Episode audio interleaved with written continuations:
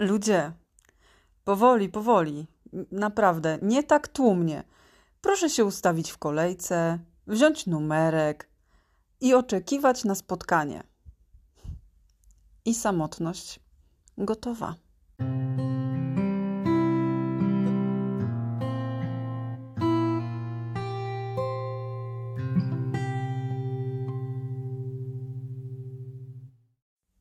Większość osób wysoko wrażliwych jest introwertykami. I to większość, to naprawdę większość. Według badań to aż 70% wszystkich nas wysoko wrażliwych jest introwertyczna, a 30% naprawdę nieznaczna to grupa, choć może nie jest aż tak mało liczna, ale nadal to jest 30%, to są ekstrawertycy. No i to by tłumaczyło tak naprawdę to osamotnienie, tę samotność, no bo mimo tych wszystkich potrzeb izolacji, które czuje ta 70% grupa, to osoby wysoko wrażliwe w ogóle mogą się czuć samotne? O tym wszystkim będzie w tym odcinku.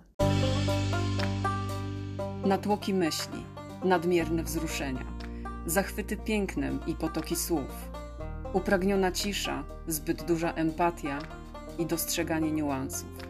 To wszystko jest darem, a zarazem przekleństwem w wysoko wrażliwym świecie.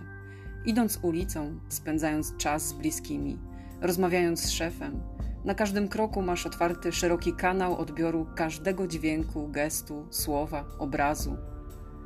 Czym jest? Jak sobie z nią radzić? Skąd się tu wzięła? Głęboko wierzę, że świat potrzebuje dzisiaj przede wszystkim wrażliwości Zapraszam na wysoko wrażliwy podcast. Małgosia Leduchowska.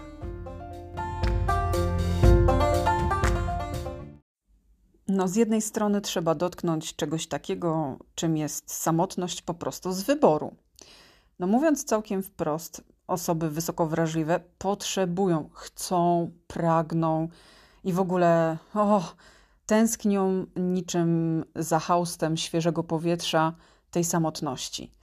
Potrzebujemy, naprawdę, potrzebujemy sobie tak po prostu najzwyczajniej w świecie usiąść, tak jak ja teraz w hotelu. Czekałam na tą chwilę, kiedy będę sama w hotelu i, i będę mogła nagrać kolejny odcinek już tak w spokoju, nie mając e, nad głową na przykład rozhisteryzowanej sąsiadki, albo nie zastanawiając się, czy w tym przypadku i w tym momencie mój partner nie będzie miał jakiegoś kola, który go w ogóle wypowiedzi głośne chichy chachy, albo komentarze będzie łapał mój mikrofon. No generalnie, pomimo że uwielbiam, uwielbiam spędzać czas z moim partnerem, to jakoś już czekałam mocno na ten wyjazd do Łodzi, ten noworoczny, pierwszy, po to, żeby właśnie nagrać coś dla Was, żeby się trochę pozastanawiać nad różnymi rzeczami, bo tylko wtedy mam na to czas. No i żeby najzwyczajniej w świecie się zwentylować. Potrzebujemy i poszukujemy tej samotności. To poszukiwanie jest, no w moim przypadku, chorobliwe i notoryczne. Nie no, kurde, no co by nie powiedzieć, to mam mnóstwo takich sytuacji, w których fajnie, fajnie, to wszystko jest ciekawe, ekstra, ale po, poczekaj chwilę i ciach, już mnie nie ma. I to znikanie moje, no, zauważone już przez naprawdę dziesiątki osób, e, jakoś się tak utarło. Generalnie jak Leduchowska i przerwa w szkoleniu, to wiadomo, że pójdzie sobie gdzieś tam, udając, że nie wiem, pali papierosy albo że właśnie gdzieś jakiś ważny telefon, ale tak naprawdę schowa się do kibla przez jakieś 10 minut po to, żeby cisza, spokój i wszystko dookoła obniżyło poziom napięcia. Ja się generalnie z siebie strasznie śmieję, bo no ja lubię ludzi. E, I może to brzmieć co najmniej, jakbym teraz e, udawała, kłamała albo wymyślała to na potrzeby tylko bycia bardziej lubianą i akceptowalną, ale prawda jest taka, że lubię ludzi, tylko że lubię ich z umiarem. I ja się często na tę moją samotność decydowałam i decyduję nadal bardzo, bardzo z wyboru. Dlatego, że po całym dniu, po całym tygodniu spotkań z najróżniejszymi ludźmi, chłonięciu ich emocji, słów, przemyśleń, jakichś dylematów, z którymi się mierzą, ja po prostu potrzebuję zrobić raz, dwa, trzy, znikasz ty i ty i ty. Wybieram tą samotność częściej niż powinnam. Zdaję sobie z tego sprawę. Dużo ludzi w zeszłym roku i w ogóle w trakcie całej pandemii odbiło się trochę od możliwości spotkania ze mną jak od ściany. I to nie jest tak, że ich nie lubię. Ja po prostu potrzebuję mieć dla siebie tę przestrzeń i jeśli o nią nie zadbam, to całe to spotkanie będzie jakąś totalną masakrą. I chcąc dawać ludziom najlepszą wersję siebie, a nie taką rozedrganą, rozchwianą, po prostu decyduję się z nimi nie spotykać. No i oni czasami próbują raz, drugi, trzeci, a potem mi na przykład niektórzy napisali: To już moja ostatnia propozycja, Gośka, i no i, no i potem się ta ostatnia propozycja kończy tym, że już jest jedna wielka cisza. A potem, a potem pojawia się poczucie winy, bo ja generalnie nie jestem obojętna na to, że komuś odmówiłam, bo tak ogólnie to ja jestem najważniejsza i do widzenia Państwu, nie będę się z Państwem spotykać. Nie. Siedzę i zastanawiam się, kurde, i ty jesteś coachem, trenerką, jesteś mm, kimś, kto wspiera ludzi, ale nie chcesz się z nimi spotykać? What the... Dziewczyno, weź się zastanów. Natomiast zauważyłam, że im bardziej asertywnie dbam o to, że się nie przymuszam do pewnych spotkań, tylko decyduję się na te spotkania, kiedy już mam taką potrzebę społecznego kontaktu z kimś innym niż mój kot, mój pies i mój partner. Kolejność losowa, wybaczcie to generalnie dopiero wtedy decyduje się na te spotkania. I często przed każdym ze spotkań właściwie do, doświadczam takiego, a może lepiej, żebym posiedziała i poczytała książkę, a może lepiej, że. A pranie, kurde, pranie przecież. Ja pierdzielę i teraz nie zrobię prania, albo I jakoś znajduję mnóstwo konkretnych wymówek na to, żeby powiedzieć: Nie, nie, to bez, bez sensu. Zresztą, o mały włos nie spędziłabym kolejnego Sylwestra samodzielnie tylko ze swoim partnerem, ale ten, no, na moje szczęście, przyznam szczerze, na moje szczęście uparł się i powiedział: No chodź, pojedziemy tam do naszych znajomych, chociaż chwilę, no tak dwie, trzy godzinki spędzimy razem odliczanie, zapalimy zimne ognie, wypijemy lampkę wina, lampkę szampana i po prostu wrócimy do domu. Ja mówię, jejku, jejku, no do, dobra. Jakoś to fajnie wyszło, bo ogólnie całkiem fajne to spotkanie było. No więc ta moja samotność z wyboru często zniechęca mnie do tego, żeby się z kimś spotykać. I czy jakoś czuję potem tęsknotę? No oczywiście, że tak, ale ona nie występuje jakoś specjalnie często. I to jest naprawdę odważne przyznanie się przed wszystkimi. Mam nadzieję, że raczej spotka się to z aprobatą niż z hejtem, ale trudno. Wolę Wam serwować prawdę o sobie. No i właściwie to poczucie winy, które wynika z tego, że ja sobie tych ludzi tak dawkuję i tak sobie ich jakoś separuję, oddzielam grubą pleksą od siebie i mówię not now, maybe later i to later nie następuje, powoduje, że czasem zmuszam się do spotkań. No i to zmuszanie się do spotkań jest chyba najgorszym, co można zrobić. Nie polecam. Naprawdę. No jakkolwiek samotność z wyboru jest czymś takim akceptowalnym, przynajmniej dla tej wysoko wrażliwej osoby, w miarę, jak nie dopada nas poczucie winy, tak niestety bardzo dużo z nas e, boryka się z taką samotnością wymuszoną, wymuszoną przez rzeczywistość. I właściwie nie ma się co dziwić, to jest zupełnie normalna rzecz, ponieważ ta odmienność, którą my czujemy od zawsze, odkąd tylko zaczynamy się socjalizować i widzimy, że inni po prostu w mig łapią kolejne relacje, kolejne kontakty, ich sieć networkingowa po prostu pęka w szwach, każdego nazywają przyjaciółmi, mają swoje bandy za dzieciaka, grupują się w jakieś kasty, mają e, dookoła pełno ludzi, którzy za nimi stoją to nas wpędza to w jakieś takie poczucie oczywiście inności, odmienności i no właśnie, nieadekwatności społecznej.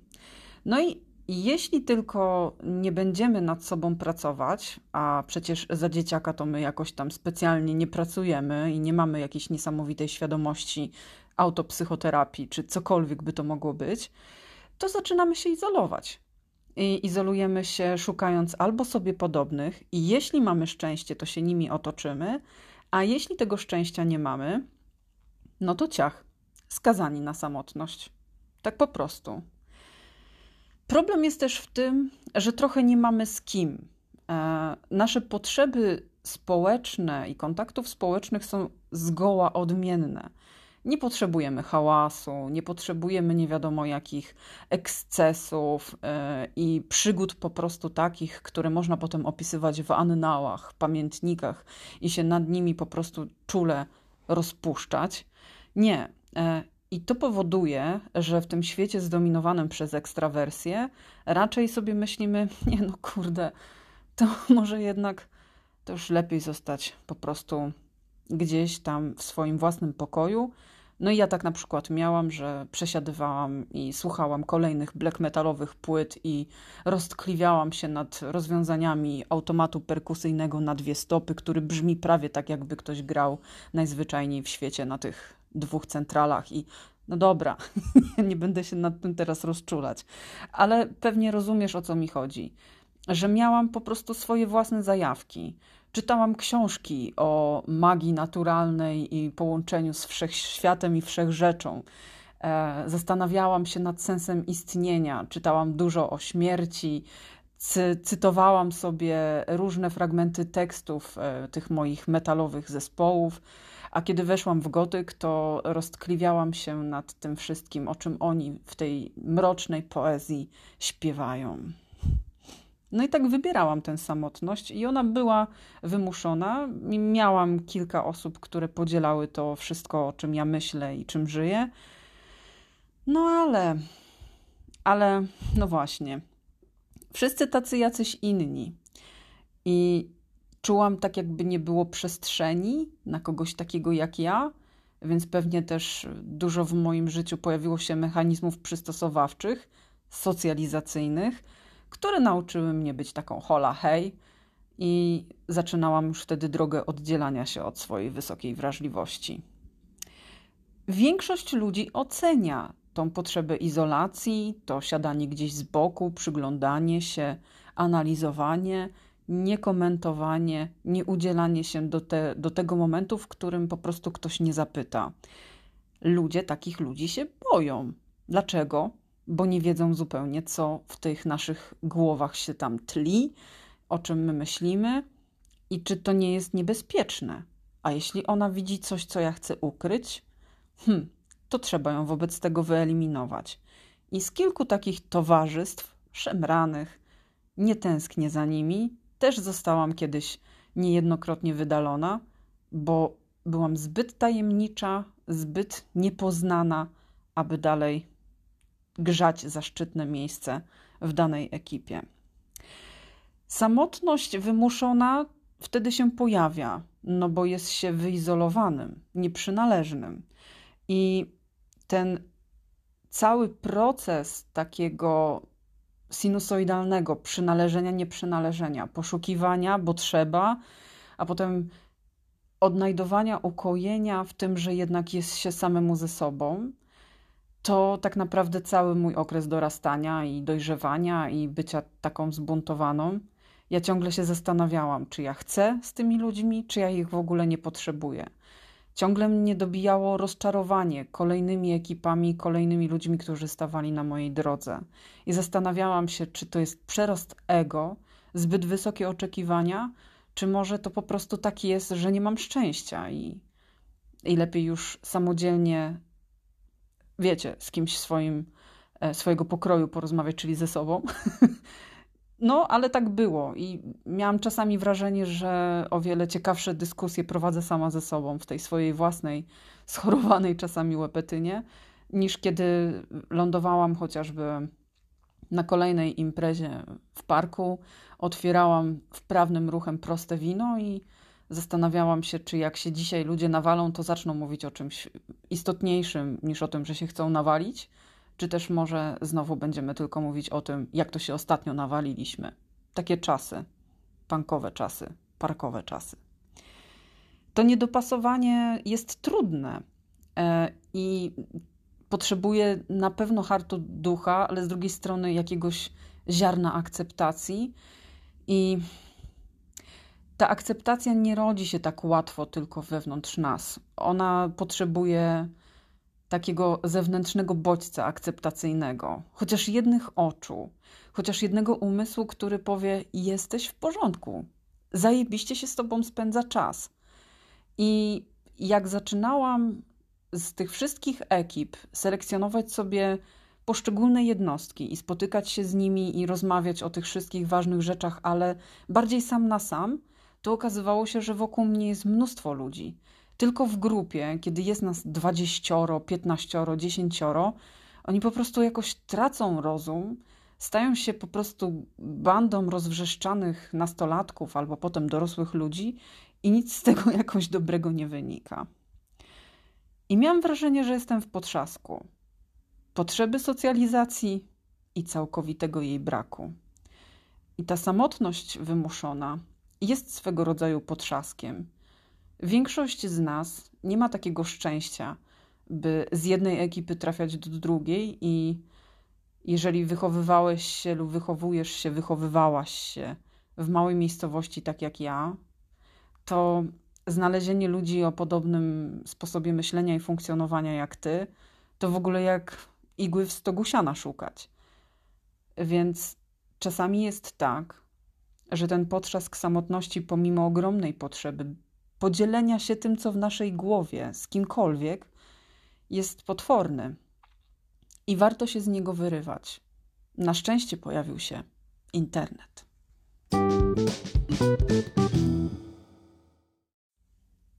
Trzecią kategorią samotności jest poczucie osamotnienia w tłumie. I muszę powiedzieć szczerze, i też to może być takie dziwne przyznanie się publiczne. Otacza mnie mnóstwo ludzi. Ja ostatnio zrobiłam czystki na Facebooku i pousuwałam w ogóle z tysiąc osób, które zupełnie nie wiedziałam skąd i dlaczego znalazły się w gronie moich znajomych na prywatnym koncie. Zresztą przyjmowałam jak leci, w ogóle nie wiedziałam co robię, a potem zastanowiłam się, kurde, przecież moje prywatne konto to jest moje prywatne konto. Nadal mam tam za dużo ludzi. Ale Scrollowałam kiedyś tego Face'a i scrollowałam i scrollowałam i widzę tu jakieś zdjęcia ze świąt kogoś, kogo w ogóle nie znam. Tutaj jakiś wyjazd gdzieś tam kogoś, kogo też w ogóle nie znam. Tutaj prośba o zbiórkę. Tutaj zaproszenie do jakichś grup, w których nie chcę być. Tutaj prośby o to, żeby kupić czyjąś książkę. I to, i tamto, i siamto. I czułam się tak przyciśnięta wśród tak wiele, wie, wielu ludzi, tak ogromnej ilości ludzi. I sobie myślałam, kurde, no to jak to jest? I z odpowiedzią przyszło badanie, e, w którym się ostatnio certyfikowałam, badanie Hogana. Tam są takie trzy narzędzia, które badają Twoje mocne strony, kiedy masz bardzo dobry humor. E, jest też narzędzie, e, które sprawdza Twoje wartości i sprawdza też takie taką ciemną stronę wtedy, kiedy jesteś w takim gorszym okresie, zestresowana i w ogóle jest totalnie do D. Mm, no jest tam na jednym z tych narzędzi taka skala, która nazywa się towarzyskość. I kiedy dostałam te wyniki, zobaczyłam, że towarzyskość mam na jeden w skali od 1 do 100, to jak sobie pomyślałam, kurde, no to dziewczyno, nic tylko po prostu wsiąść do e, samochodu, zamknąć wszystko za sobą, wyizolować się w Bieszczadach, a najlepiej na Lofotach, a najlepiej gdzieś na Arktyce.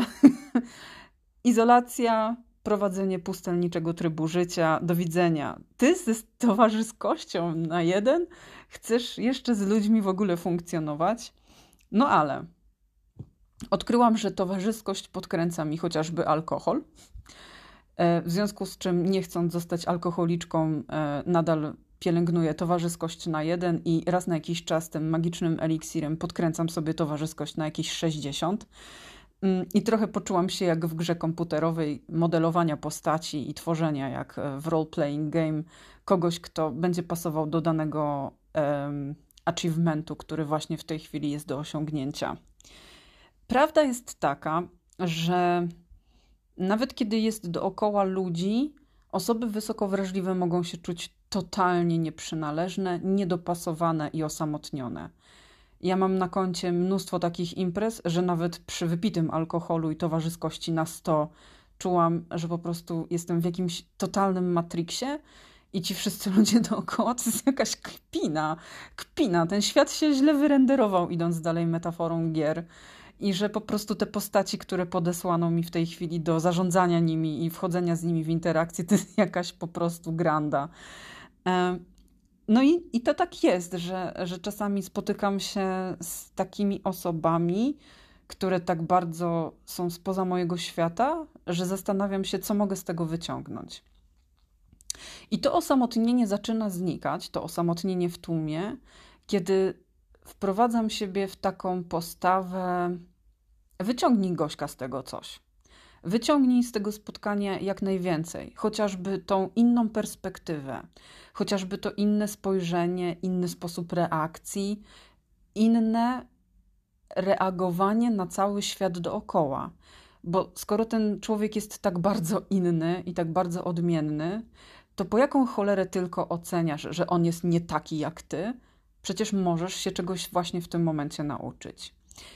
I ta postawa pomaga mi się odnajdować w różnych miejscach i sytuacjach, bo dzięki temu, że poznaję nowe mapy ludzi, którzy są zupełnie z innego świata, z innej mapy niż ja, pozwala mi dogadywać się z coraz większą ilością ludzi i być bardziej elastyczną, rozumieć ich świat. A przecież na tym mi najbardziej zależy. Na pakowaniu sobie różnych rzeczy do głowy i posiadaniu coraz większej ilości schematów rozumienia innych. Tak mam. Może coś sobie z tego weźmiesz, może to dla ciebie też będzie jakieś uwolnienie. E, mimo wszystko, poczucie osamotnienia w tłumie nadal mnie przepełnia. I to osamotnienie wynika z tego, że moje potrzeby bycia z innymi są zgoła inne niż tych, którzy po prostu potrzebują się chociażby nawalić po całym tygodniu ciężkiej pracy. Nawet jeśli miałabym powiedzieć tak, ja też czasem potrzebuję się nawalić po całym tygodniu ciężkiej pracy, to mimo wszystko, e, poza tym nawaleniem, to jednak najbardziej odnajduję się i relaksuję wtedy, kiedy mogę z kimś długo i żywo podyskutować o różnych rzeczach ważnych, o istocie wszechświata, o tym, czy istnieje życie gdzieś poza nami i o tym, że właśnie wystrzelono kolejny teleskop w kosmos, który będzie właśnie badał, jak powstawał wszechświat. O tym, dlaczego migoczą gwiazdy, o tym, czy pod lustrem wody znajduje się świtezianka, czy w całym cyklu przyrody jest jakaś jeszcze inna mądrość ukryta? I ja bym tych tematów mogła mnóstwo, mnóstwo tutaj przytoczyć. Ja chciałabym się spotkać z kimś, kto też się zastanawia nad takimi rzeczami. I nawet nie chodzi o to, żeby filozofować. Chodzi o to, żeby podzielić się tym, co się czuje, myśli, o czym się ma rozkminy, wypowiedzieć rozkminy na zewnątrz. To tak, jak pójść do kina, obejrzeć film, który coś dotyka, i bez możliwości tej drugiej osoby, porozmawiania z drugą osobą, nie jesteśmy w stanie uchwycić, co zostało dotknięte. Ja kocham układać sobie myśli na głos, ale z ludźmi, którzy też potrzebują dokładnie to samo robić. Więc jeśli jesteś taką osobą i nie masz z kim pogadać, to napisz do mnie czasem prywatną wiadomość. Osoby wysoko wrażliwe mają ogromną umiejętność bycia z drugim człowiekiem w kontakcie. I osamotnienie w tłumie wynika też z tego, że skoro my dajemy tak dużo kontaktu innym, to nie dostajemy tyle samo kontaktu od innych. To bycie w kontakcie to jest coś związanego z obecnością, z ogromną obecnością, ze słuchaniem, z widzeniem, że ten człowiek cię widzi i pokazuje ci w stu procentach widzę cię, akceptuję cię, słyszę cię. Nie jestem w tej chwili w myśleniu o tym, o kurde, nie kupiłam Sopockiej. Mój stary nie będzie miał jutro rano kanapek z Sopocką na śniadanie. Ty widzisz i wiesz, że ja jestem z tobą i przy tobie teraz. I tego potrzebuję też najbardziej, kiedy się z drugą osobą spotykam. I założę się, jak jesteś osobą wysoko wrażliwą, że masz dokładnie taką samą potrzebę. A jeśli nie jesteś, to jestem przekonana, że odczuwasz dokładnie taką samą przyjemność z takiego bycia, jak osoby wysoko wrażliwe. I ponad to wszystko, ta potrzeba w kontaktach z innymi dotyczy też dzielenia doświadczeń. Chyba nic mnie tak nie cieszy, jak pójście z kimś na dobre żarcie, e, zwiedzenie jakiejś fajnej wystawy, pójście na spacer nad Wisłę, do lasu, gdziekolwiek i bycie w doświadczeniu. Ja nie muszę z kimś gadać, ale jestem z kimś w tym doświadczeniu, czyli coś mnie z tą osobą zespala. I kiedy mam kolejne i kolejne i kolejne doświadczenie z kimś, to nawet kiedy upływa trochę czasu i nie widzimy się, to możemy wrócić do tych wspomnień, do tego kontaktu, który zbudowaliśmy, przeżywając jakieś konkretne doświadczenie. I to buduje moje relacje i niweluje osamotnienie w tłumie. No to co robić? No, ja powzięłam taką krucjatę, że będę edukować innych i edukuję swoich bliskich. I od tego edukowania dzieją się dwie rzeczy zazwyczaj. Albo jest akceptacja i przyjęcie, że pakiet y, znajomość z Leduchowską właśnie się aktywował, w związku z czym nie będziemy się może widzieć co tydzień, ale jak się zobaczymy, to będzie zajebiście. Albo dzieje się druga rzecz, czyli ktoś mówi do widzenia, sayonara, do widzenia. no, jakby, no wiesz, no jakby, kurczę, trzeba się po prostu pogodzić z tym, że te osoby odejdą, te, które kompletnie nie kumają tego. Dlaczego tego nie kumają niektórzy? E, nie kumają tego, ponieważ e, przynajmniej tak czytałam, nie wiem na ile to jest prawda, ale przekonuje mnie ten argument. E, z kontaktów pomiędzy ludźmi tworzy się też dopamina, jeden z hormonów, który nas tam nieźle czt, nie? ekscytuje. Problem jest w tym, że introwertycy na E, dopaminę są zajebiście czuli, a znowu ekstrawertycy potrzebują ciągle tą dopaminę podbijać, bo są na nią jakoś uodpornieni bardziej. No i y, ja, jak sobie już tą dopaminę doładuję, to potem mam ochotę się wyciszyć, a ekstrawertyk, widząc, że ja właśnie w tym momencie zamilkłam, gdzieś sobie bujam w obłokach i coś tam, coś tam, sobie myśli, kurka siwa, ona mi nie podbija w ogóle dopaminy. Ej, dziewczyno, halo, coś jest z tobą, umarłaś, czy, czy, czy jak tam?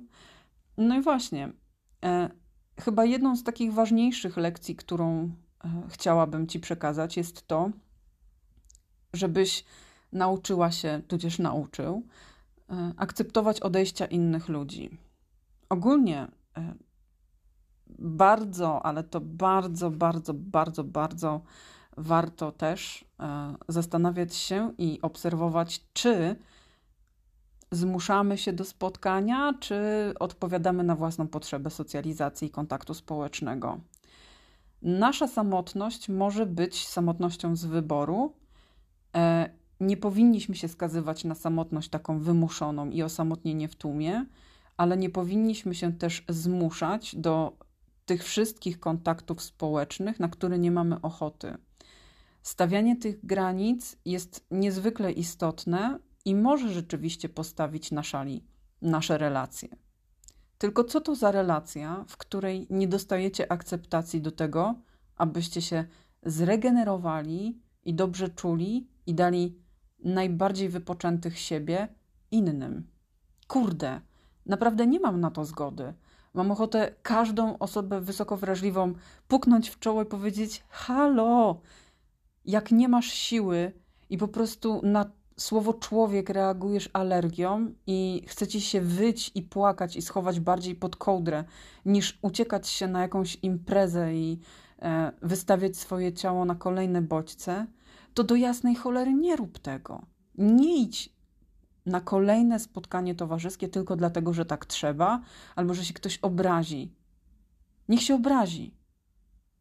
Niech przestanie jego świat być w centrum, niech Twój świat będzie w centrum. A jak już się zmusisz mimo wszystko, pomimo tego, że grożę ci palcem, to się do jasnej cholery potem zregeneruj. Zadbaj o wszystko, czego ci potrzeba. O ciszę, o relaksującą kąpiel czy prysznic, o ciepłą herbatę zimową, która teraz jest bardzo na propsach, o ciacho, jeśli masz ochotę na coś słodkiego. Zadbaj o siebie, przeczytaj książkę. Wycisz się, pomedytuj, posłuchaj dobrej muzyki, pozastanawiaj się, jak te nuty powstały, że one są takie piękne. Albo rozczul się nad jakimś wierszem, jeśli lubisz. Zregeneruj się, jeśli się już do danego spotkania zmusiłaś bądź zmusiłeś.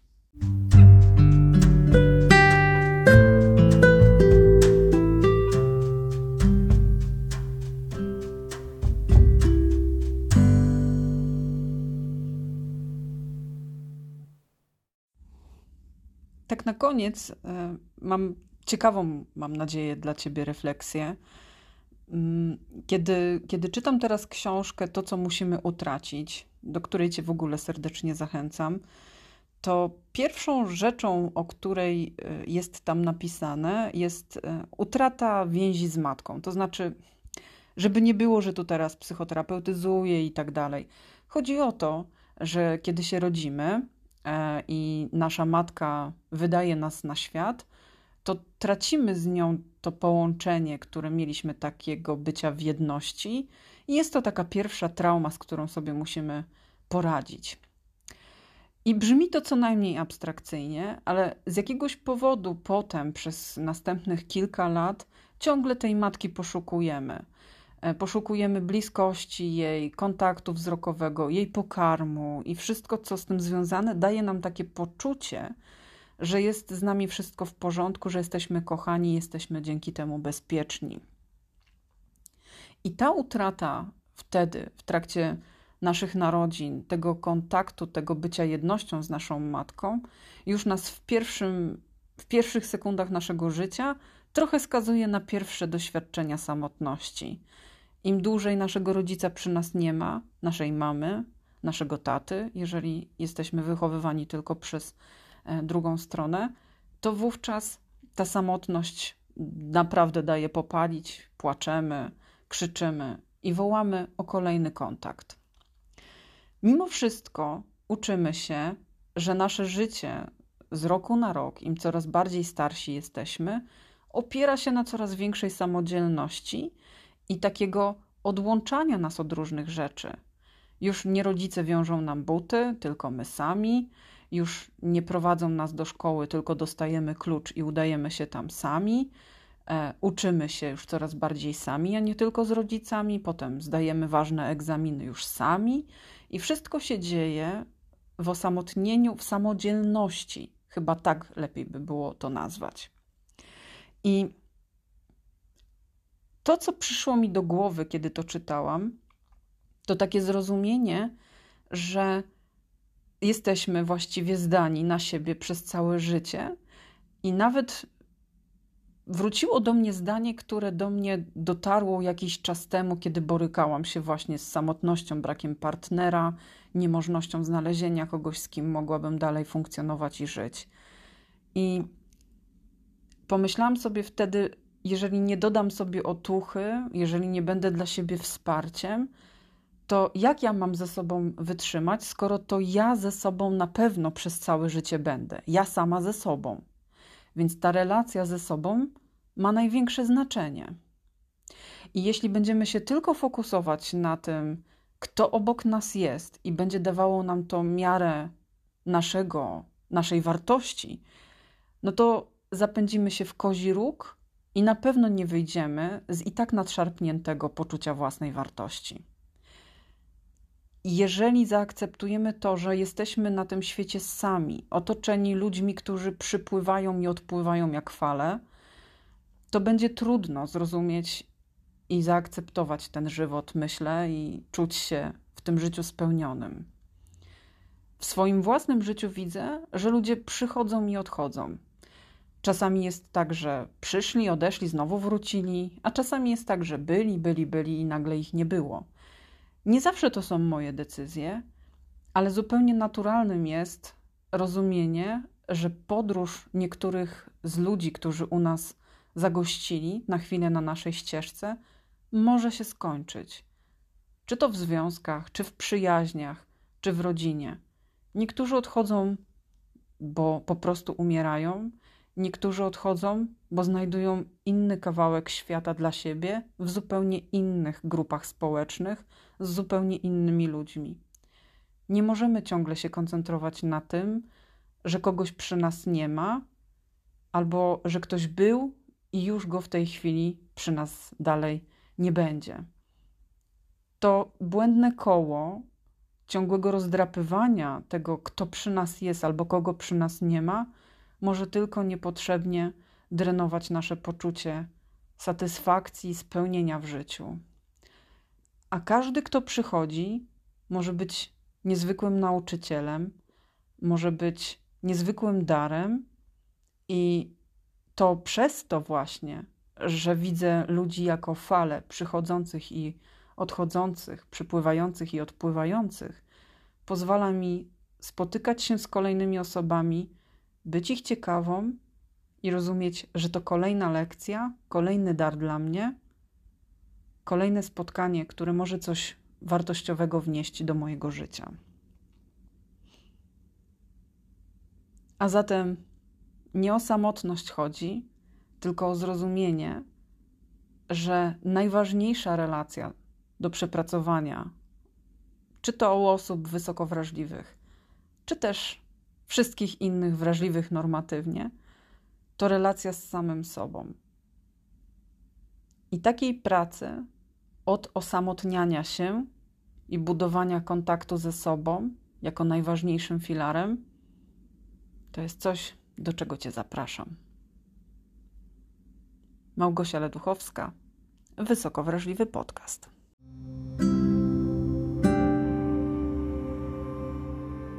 Jeśli Ci bliskie to, o czym opowiadam, i z jakiegoś powodu myślisz, że mogłabym Ci pomóc i szukasz takiego sposobu, to z jednej strony możesz do mnie napisać prywatną wiadomość, a inne formy wsparcia znajdziesz na moim Instagramie Wysoko Wrażliwy Podcast, przeglądając wyróżnione relacje.